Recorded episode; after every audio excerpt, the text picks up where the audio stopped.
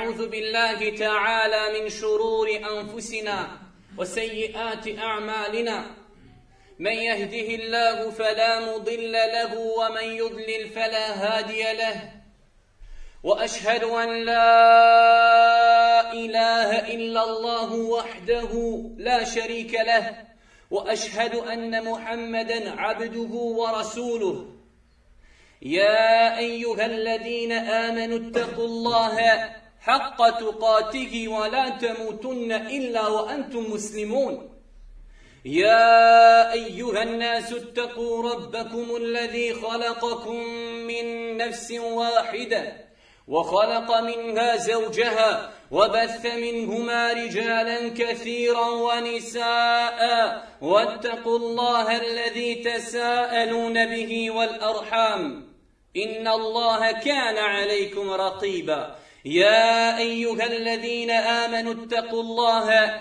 وقولوا قولا سديدا يصلح لكم أعمالكم ويغفر لكم ذنوبكم ومن يطع الله ورسوله فقد فاز فوزا عظيما ثم أما بعد تينا braćo, دانا ćemo الله سبحانه وتعالى wa pomoć progovoriti nekoliko riječi o temi za koju sam ja smatrao da je aktuelna i atraktivna. Govorit ćemo o najskupljoj, a najjeftinijoj stvari. Govorit ćemo, braću moja draga, o slabosti imana, Govorit ćemo o njegovim simptomima, govorit ćemo, braćo moja draga, o faktorima koji prouzrokuju slabost imana i na kraju ćemo uz Allahu subhanahu wa ta'ala pomoć pokušati da predložimo neke savjete kako čovjek može u ovim teškim vremenima da ojača svoje vjerovanje. Pogledamo li, braćo moja draga, u ljude oko nas, primijetit ćemo da se ljudi dijeli u tri skupine. Dvije krajnosti i sredina. Prva krajnost jeste da je velik broj ljudi toliko oslabio u svome imanu, da je dozvolio sebi i sve grijehe koje Allah subhanahu wa ta'ala zabranio. Do te mjeri, braćo moja draga, da je normalno postalo činjenje grijeha, čim počinjocima Allah dželle dželaluhu iznad sedam nebesa objavljuje rat.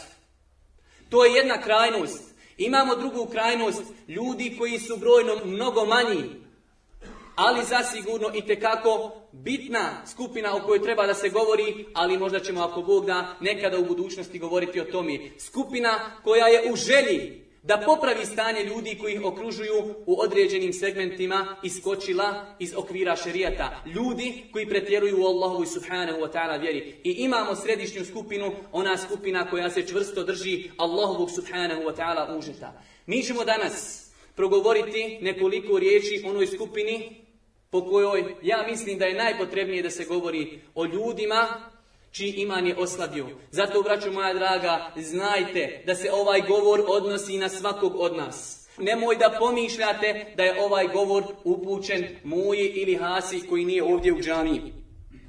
Pogledajte, braću moja draga, u stanje ljudi oko nas. Ljudi koji se deklarišu kao muslimani, ne govorimo o nevjernicima, govorimo o muslimanima. Tako jadan je njihov nivo.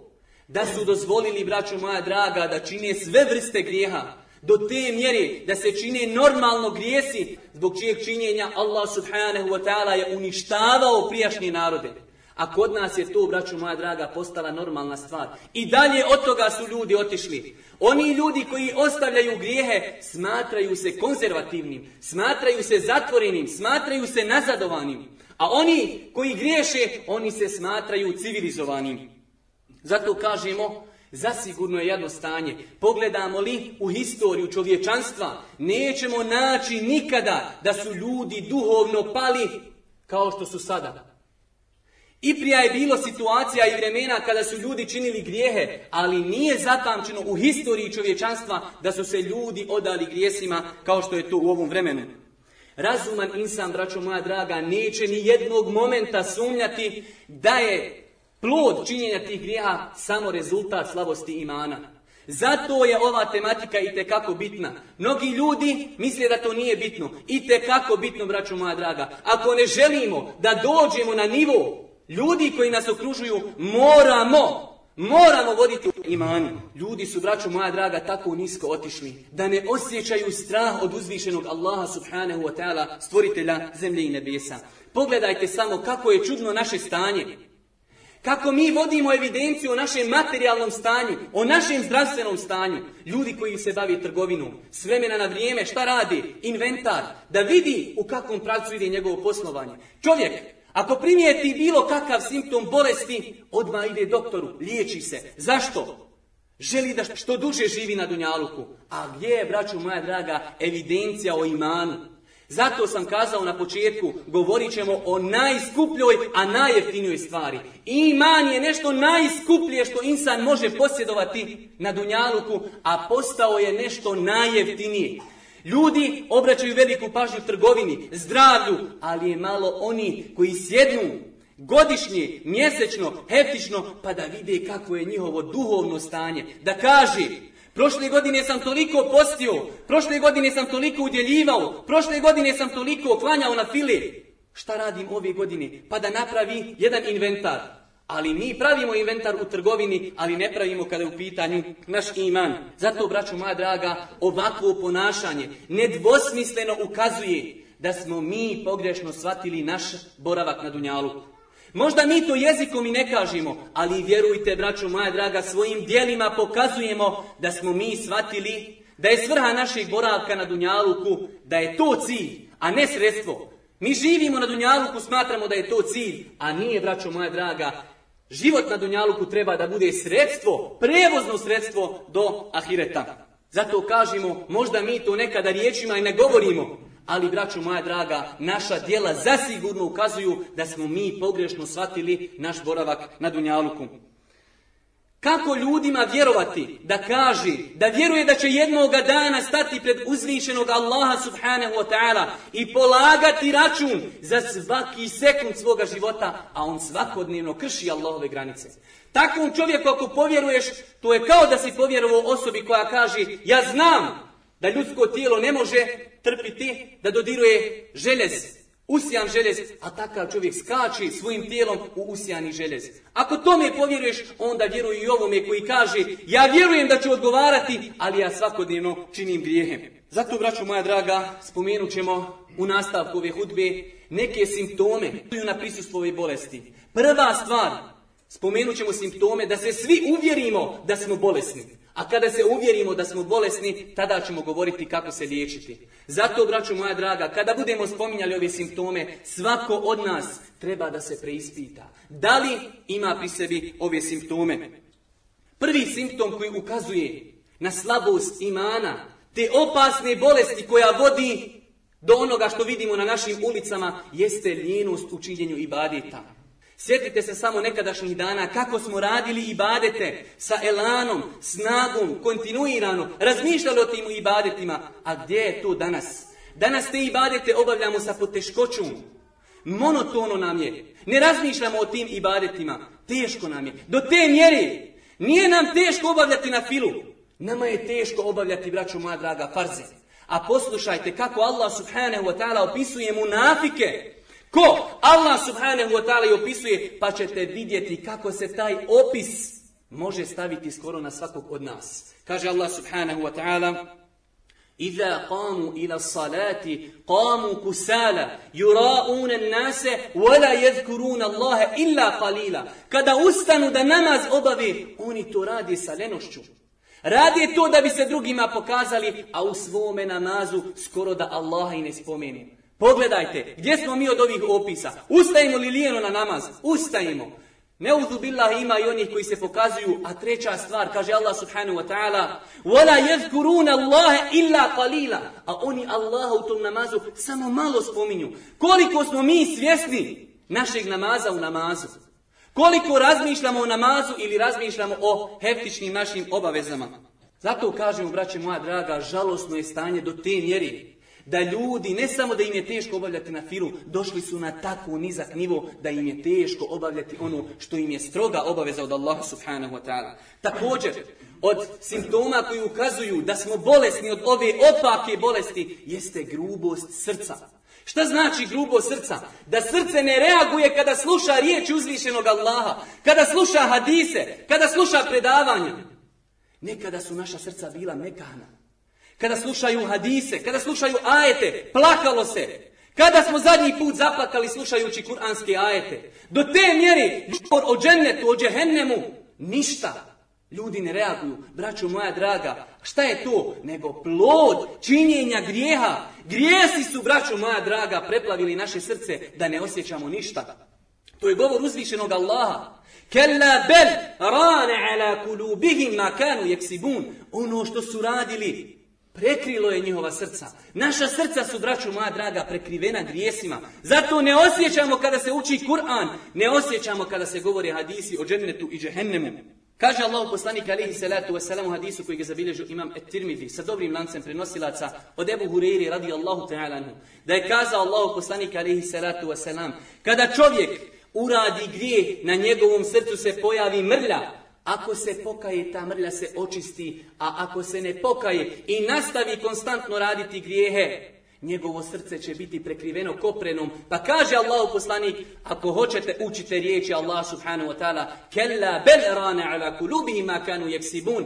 Ono što su radili preplavilo je srca njihova. Bojim se, braću moja draga, ako nastavimo ovakvim tempom činiti grijehe, a činimo ih svakodnevno, da ćemo doći na nivo srca oni srca ljude koje Allah subhanahu wa ta'ala prokleo. Doćemo na stepin srca židova kako ih opisuje Allah subhanahu wa ta'ala u Kur'anu pa kaže ثُمَّ قَسَتْ قُلُوبُهُمْ مِنْ بَعْدِ فَهِيَ أَشَدُّ pasve. A zatim su njihova srca toliko otvrdla zbog grijeha da su postala kao kameni. Ja se bojim, braću moja draga, da naša srca neće doći u takav stadin. Mi, braću moja draga, možemo vidjeti kako je žalosno naše stanje ako pogledamo kako ljudi ne razmišljaju o onome što se dešava oko njih. Ljudi na svakom koraku umiru, a mi mislimo da ćemo živjeti ko Nuh alaihi 950 godina. Nikada ti na um ne pada da si možda ti prva žrtva. Ljudi prate dženazu kao da je došao na utakmicu. Ljudi klanjaju dženazu kao da je došao na pijacu. Ne razmišlja da će on možda sutra biti taj kojim će se klanjati dženaza. A braćo moja draga, to su stvari koje jačaju iman. Suprotno tome, to je jedan pokazatelj slabosti našeg imana. Pogledajte, nakon što smo vidjeli kako Allah opisuje stanja srca nevjernika, munafika, židova, pogledajte kako opisuje srca mu'mina, pa da pokušamo vidjeti ima li nas gdje tu. Kaže Allah subhanahu wa ta'ala, إنما المؤمنون إذا ذكر الله وجلت قلوبهم وإذا تليت عليهم آياته زادتهم إيمانا وعلى ربهم يتوكلون Pravi vjernici su oni kada se Allahovo ime spomeni, njihova srca ustreperi. Njihova srca se strahom ispuni. وَإِذَا تُتْلَ عَلَيْهِمْ آيَاتُهُ A kada im se njegove riječi citiraju, to im iman i njihovo ubjeđenje učusti i oni se na svoga gospodara Allaha subhanahu wa ta'ala oslanjaju. Pogledajte kakvo je žalosno naše stanje. Obraćam se non stop ljudima koji su ovdje predanom. Najbolje vam o tome mogu govoriti ljudi kojima se postavljaju pitanja i traži se od njih fetve. Dolazi ti čovjek i kaže je li ovo haram ili je mekru? Ako slučajno kažeš da je mekru, dao si zeleno svjetlo da se to radi. Je li ovo sunnet? Ako kažeš da je sunnet, to automatski znači da to treba ostaviti. Do te mjere su ljudi otišli. Najodabraniji dio umeta, kaže je li to veliki grijeh ili je mali? Ako kažeš da je mali grijeh, to automatski znači da se to može raditi. Također, od simptoma koji ukazuju na loše stanje, slabost imana jeste gubljenje osjećaja kada je u pitanju nošenje emaneta Allahove vjere. Braćo moja draga, koliko je ljudi koji imaju pogrešna ubjeđenja kada je u pitanju nošenje emaneta, pa misle da su obavezni nositi taj emanet samo efendije, profesori, daje, doktori i ostali, braćo moja draga, svi mi nosimo emanet. Ali, slabost imana je ta koja je učinila insana da je zapostavio taj emanet. Pogledajte samo koliko je stvari koje su u našim ingerencijama, koliko možemo uraditi, ali mi smo zapostavili to sve u slabosti imana. Naše kuće prepune razgoličenosti, prepune muzike, prepune serija, prepune porno filmova, a mi, mrtvi hladni, ne reagujemo. Šta je to? Već slabost imana. Ne govorim u komšinoj kući, u našoj kući, naše čerke, naša djeca, da li ih odgajamo u islamu, da li ih postičemo na namaz, da li žensku djecu postičemo na hijab ili ne. Još jedan pokazatelj koliko smo slabi i ne dajemo ono sve što možemo. Pogledajte našu braću u Iraku, u Čečeni, u Palestini. Braćo moja draga, Neko će kazati ne možemo im pomoći materijalno, ne možemo im tjelosno pomoći. Dobro, možeš li uputiti dovu Allahu subhanahu wa ta'ala vraću, Napravio bi anketu da nije ovo džuma. Koliko nas ovdje u zadnje 24 sata dovilo za vraću u Palestini? Neki dan sam držao predavanje gdje je bilo više od 60-70 ljudi prisutno kada sam im postavio pitanje ko je dovio u zadnjih 24 sata za Palestinu? Niko nije podigao ruke. To je naše stanje. Da nismo u situaciji, tako je naš slab iman, da ne možemo dove uputiti za vraću muslimane. Zato lažu svi oni koji kažu da su spremni da odu tjelesno. Ako nisi u stanju uputiti dovu, znaj da nisi u stanju otići tjelesno. Od simptoma koji ukazuju na slabost imana jeste davanje prednosti dunjaluku nad ahiretom. Pogledajte samo jednu stvar. Koliko puta se u našoj okolini organizuju nekakve aktivnosti vjerskog karaktera, a mi nismo prisutni tu. U velikom broju slučajeva razlog je jedan za okupljenost dunjalukom.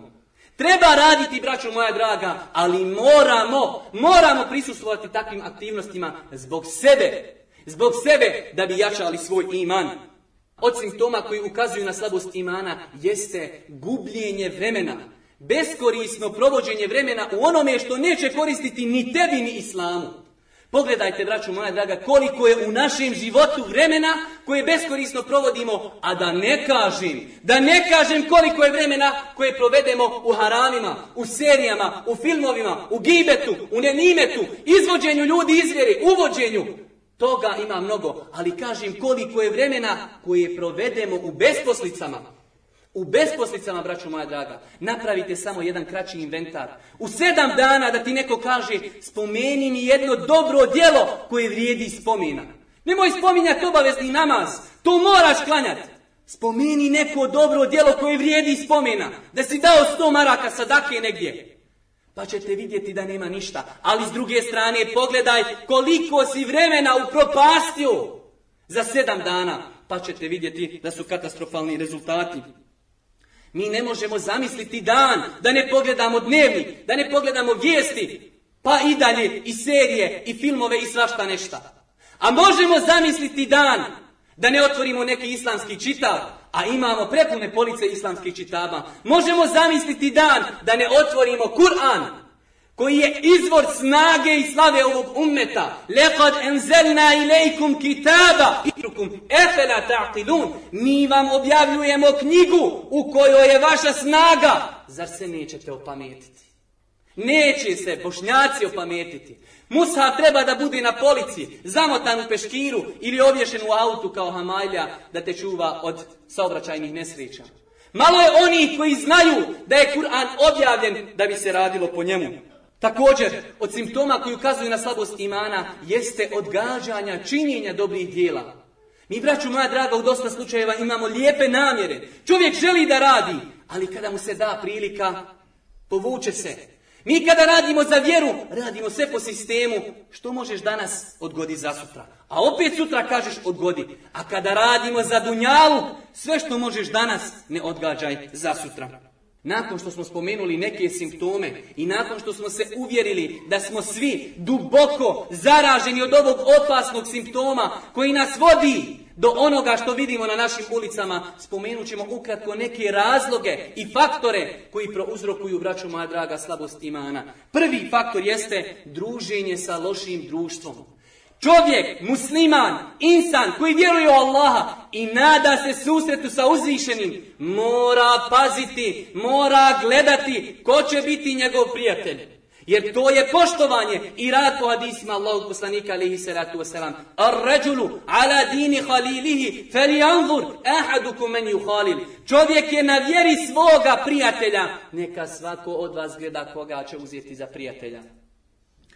Primjer lošeg društva je, braćo moja draga, kao primjer dobrih i loših jabuka. U istoj posudi, znajte kada istruhnu loše jabuke, da je pitanje dana kada će i dobre jabuke istruhnuti. Ako se družiš sa onima koji ostavljaju namaz, to ne znači da ih ne treba pozivati. Ali da ti oni budu prijatelji s kojima provodiš dane. Ne. Oni koji piju, oni koji konzumiraju drogu, oni koji posluju kamatom znaj da će i ti postati kao i oni. Samo je pitanje dana. Također, od faktora koji čine insana da oslabi kada u pitanju njegov iman jeste iznenađenost iskušenjima na putu pridržavanja za Allahu subhanahu wa ta'ala vjeru. Čovjeka iznenade iskušenja, pa to oslabi njegov iman. Čovjek musliman, naročito u ovim vremenima, ne smota i ne smije da ga iznenade iskušenja. Naročito u ovim vremenima kada su se neprijatelji vjere okupili u borbi protiv Islama, kao što se izjelice okupe oko Sofrije, kao što je nagovijestio Allahu poslanik alihi salatu wasalam. Kaže Allah subhanahu wa ta'ala, dajući to znanje vjernicima da se ne iznenade na iskušenjima, da će ih iskušavati da bi se vidjelo ko je iskren, ako nije nasu الناس أن يتركوا a يقولوا آمنا Zamislite ljudi da je dovoljno da kažu vjerujemo. To je najlakše. Vjerujem. Wahum la yuftanun. A da neće biti iskušani. Doće, doće momenat, brate, kada ćete Allah iskušati da se potvrdi istinitost svojih riječi.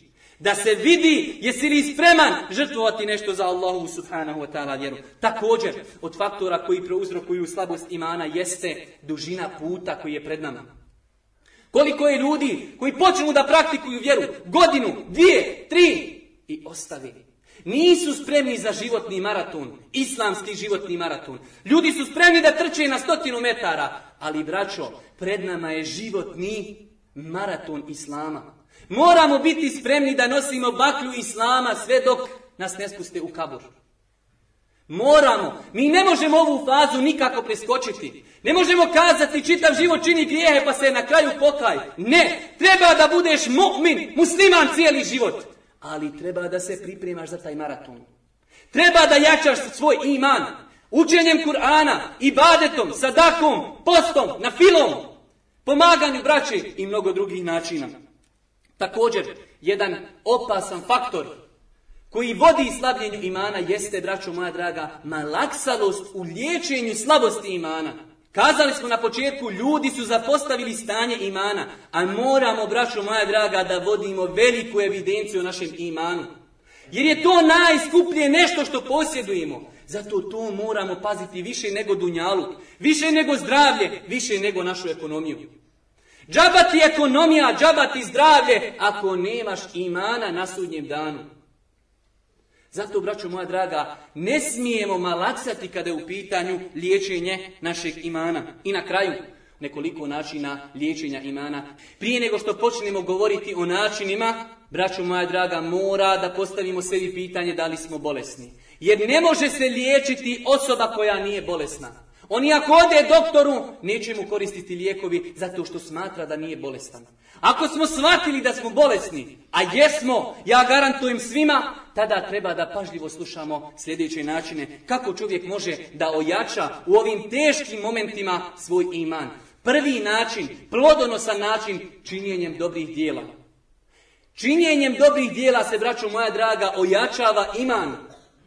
Ojačava se imam činjenjem dobrih dijela. To znaju oni koji su okusili slast imana činjeći dobra djela. Kada čovjek dadne sadaku, kada posti na filu, kada radi neko dobro djelo, osjeti u svojim grudima širinu, osjeti jačinu imana. To je ono, braćo moja draga, što nam treba u ovim teškim momentima. Također, jedan plodonosan način, zapostavljen kod velikog broja nas, jeste razmišljanje o veličini uzvišenog Allaha subhanahu wa ta'ala i neprestanoj kontroli nad njegovim robovima. To je, braćo moja draga, i te kako plodonosan način da ojačamo svoj iman, da razmišljamo o veličini uzvišenog Allaha. Poslušajte kako Allahu poslanik alihi salatu wasalam kada govori o ihsanu, šta kaže? En ta'abud Allahe ke enneke tara, fe in lem tekun tarahu, fe innehu jara. Da obožaješ Allaha kao da ga vidiš. Jer ako ti njega ne vidiš, on tebe vidi. Treba tako da živimo, braću moja draga, u svakodnevnom životu. Da znamo da nas Allah neprestano vidi. Da samo mi razmišljamo o dva Allahova imena i o dva Allahova svojstva. U mnogo čemu bi se naš život razlikovao. Da znamo i da vjerujemo i da smo ubiježeni da Allah sve vidi i da Allah sve čuje. Zamislite da smo ubijeđeni pravim jetinom da Allah sve vidi. Kako bi se mi lijepo ponašali prema komšiji, prema ženi, prema djeci, prema braći muslimanima. Da znamo i da smo ubijeđeni da Allah sve vidi. Kako bi mi čuvali svoj jezik kada bi znali da Allah subhanahu wa ta'ala sve čuje. Kako bi čuvali svoj jezik od gibeta, od nemimeta, od laži. Zašto? Zato što znamo. Iako smo sami, čuje nas uzvišeni iznad sedam nebesa. U hadisu kojeg zabilježio Imam Ahmed, srpskih prenosilaca kao što je to potvrdio imam Ezehbi. Od radi radi ta'ala anha. Kaže Aiša, dolazi žena Allahom poslaniku u njenoj sobi, u njenoj kući. I žali se poslaniku na svoga muža. Kaže, ja ne čujem neke riječi koje ona govori. Metar ili dva.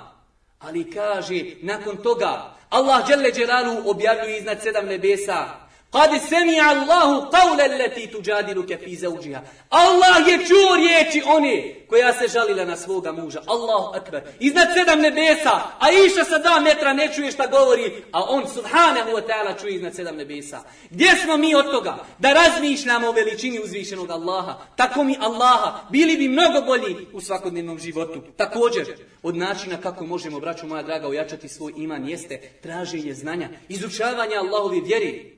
Innema jahša Allahe min ibadihi lulema. Allaha se istinski boje njegovi robovi učeni da, braću moja draga, prisustujemo aktivnostima edukativnog karaktera. Koliko puta se dešaje, kurs ovdje, predavanje ondje, nas nigdje nema. Braćo moja draga, moramo odvojiti jedan dio vremena da prisustujemo takvim aktivnostima, da bi ojačali svoj iman i da znamo kako ćemo se ponašati u ovim teškim situacijama. Također, od načina kako možemo ojačati svoj iman, jeste da, braću moja draga, maksimalno iskoristimo svoje vrijeme u činjenju dobrih dijela, u pomaganju braća i muslimana, da damo svakom njegovo pravo, da damo Allahu subhanahu wa ta'ala njegovo pravo, da dadimo svojoj supruzi njeno pravo, našoj djeci prava, komšiji prava, braći muslimanima. Da pokušamo što manje vremena da provodimo u besposlicama, jer znajte, za svaki sekund života ćemo biti pitani kod Allaha subhanahu wa ta'ala. Na dan kada se donese 99 registara, dužina jednog je kao dužina pogleda. Pa će se kazati itara kitabeke kefabi, nefsike lijeume alejke hasiba. Čitaj ovu knjigu. Tog dana, braćo moja draga, za svaku sekundu svoga života ćemo polagati račun. Zato na vrijeme popunimo svoje vrijeme korisnim stvarima koje će koristiti i nama i muslimanima. Također, od korisnih stvari, kako ćemo ojačati svoj iman, jeste vezivanje za džemat. Vjerujte, braćo moja draga, da je vezivanje za džemat i kako koristan način jačanja imana. Pogledajte samo u ljude koji su nekada bili sa džematom pa se odvojili. pojao i je vuk, kao što vuk jede ovcu koja se odvoji od stada. Koliko je hadisa u kojima u poslanik alihi se nam preporučuje čuvanje za džemat. Koliko je kuranski ajeta? wa'tasimu bi hablillahi jami'an. Svi se skupa, zajedno, čvrsto držite za Allahu užet. Koliko je hadisa u kojima Allah poslanik alihi salatu wasalam upozorava na ostavljanje džemata. U jednom hadisu, koji je zabilježio imam Ahmed sa vjerodostojnim lancem prenosilaca, da je Allah poslanik alihi salatu wasalam kazao Inna Allahe la jeđme'u ummeti ala dalale, wa jedu Allahi ma'al džema'a. Allah neće okupiti moj ummet na zabludi i dalaletu, Allahova ruka je nad džematom. Blago se onom džematu nad kojim je Allahova subhanahu wa ta'ala ruka. Ovaj hadis, njegov vjerodostojnost je potvrdio ših Albani, rahmetullahi alehi. Braćo moja draga, da vezivanje za džemat nema druge koristi osim te kada sutra posustaš. Imaš brata muslimana koji će ti dati ruku i neće dozvoliti da padneš u duhovni ponor. Normalno, ovdje treba naglasiti jednu veoma bitnu stvar. Stvar u kojoj velik broj nas griješi, a to je mi kada primijetimo brata da je počeo u određenim stvarima popuštati, zbog jednog ili dva dijela mi ga marginiramo, prepuštamo ga ulici, a takve i mnogo veće stvari našoj rodbini, našem komšiluku mi tolerišemo bez razmišljanja. A čovjeku koji je najpreći u tim momentima da mu tolerišemo određena određene greške, mi takvog čovjeka marginiramo i prepuštamo ga ulici gdje neće moći ništa korisno naučiti. Također, od plodonosnih stvari koje ojačavaju iman jeste, vraću moja draga, sjećanje na smrt. Ako hoćeš da ojačaš svoj iman, sjeti se smrti. Razmišljaj o tome da si ti možda sljedeća žrtva.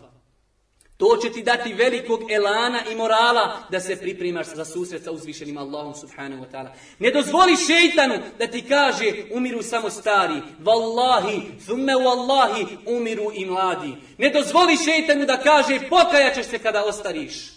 To je tako providno, to je tako providno, braćo moja draga. Ko ti garantuje da ćeš izići iz ovog mesčida, a kamoli da ćeš doživjeti poznu starost. I na kraju, braćo moja draga, zadnji od načina kako čovjek može ojačati svoj iman jeste da uputimo dovu uzvišenom Allahu subhanahu wa ta'ala da nas učvrsti u ovim teškim momentima. Pogledajte, najodabranije groba koji je ikada kročio Allahovom zemljom, Allahov poslanik, Allahov miljenik, on je upućivao Allahu mnogo dovu. Ja mu kalibel kulubi wal ersar, sepit kalbi ala dinik. O ti koji prevrćeš srca ljudi, učvrsti moje srce na tvojoj vjeri. Allahov poslanik, kome dolazi objava iznad sedam nebesa, moli Allaha da učvrsti njegovo srce.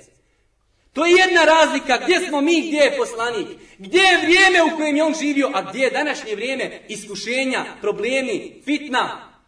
Ujedinjenost neprijatelja u borbi protiv Islama. Zato, braću moja draga, ne zaboravite, ne zapostavite ovo jako oružje.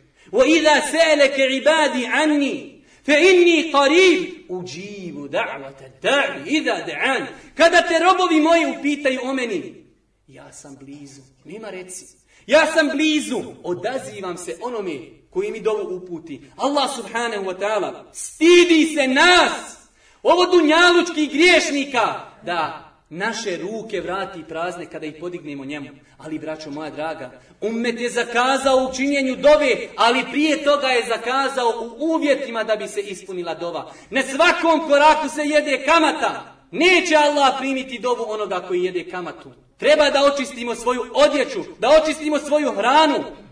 Pa da tada podignemo ruke Allahu subhanahu wa ta'ala i očekivati da usliša naše dove. Allahumma a'izzal islama wal muslimin. Allahumma a'izzal islama wal muslimin. Allahumma a'izzal islama wal muslimin.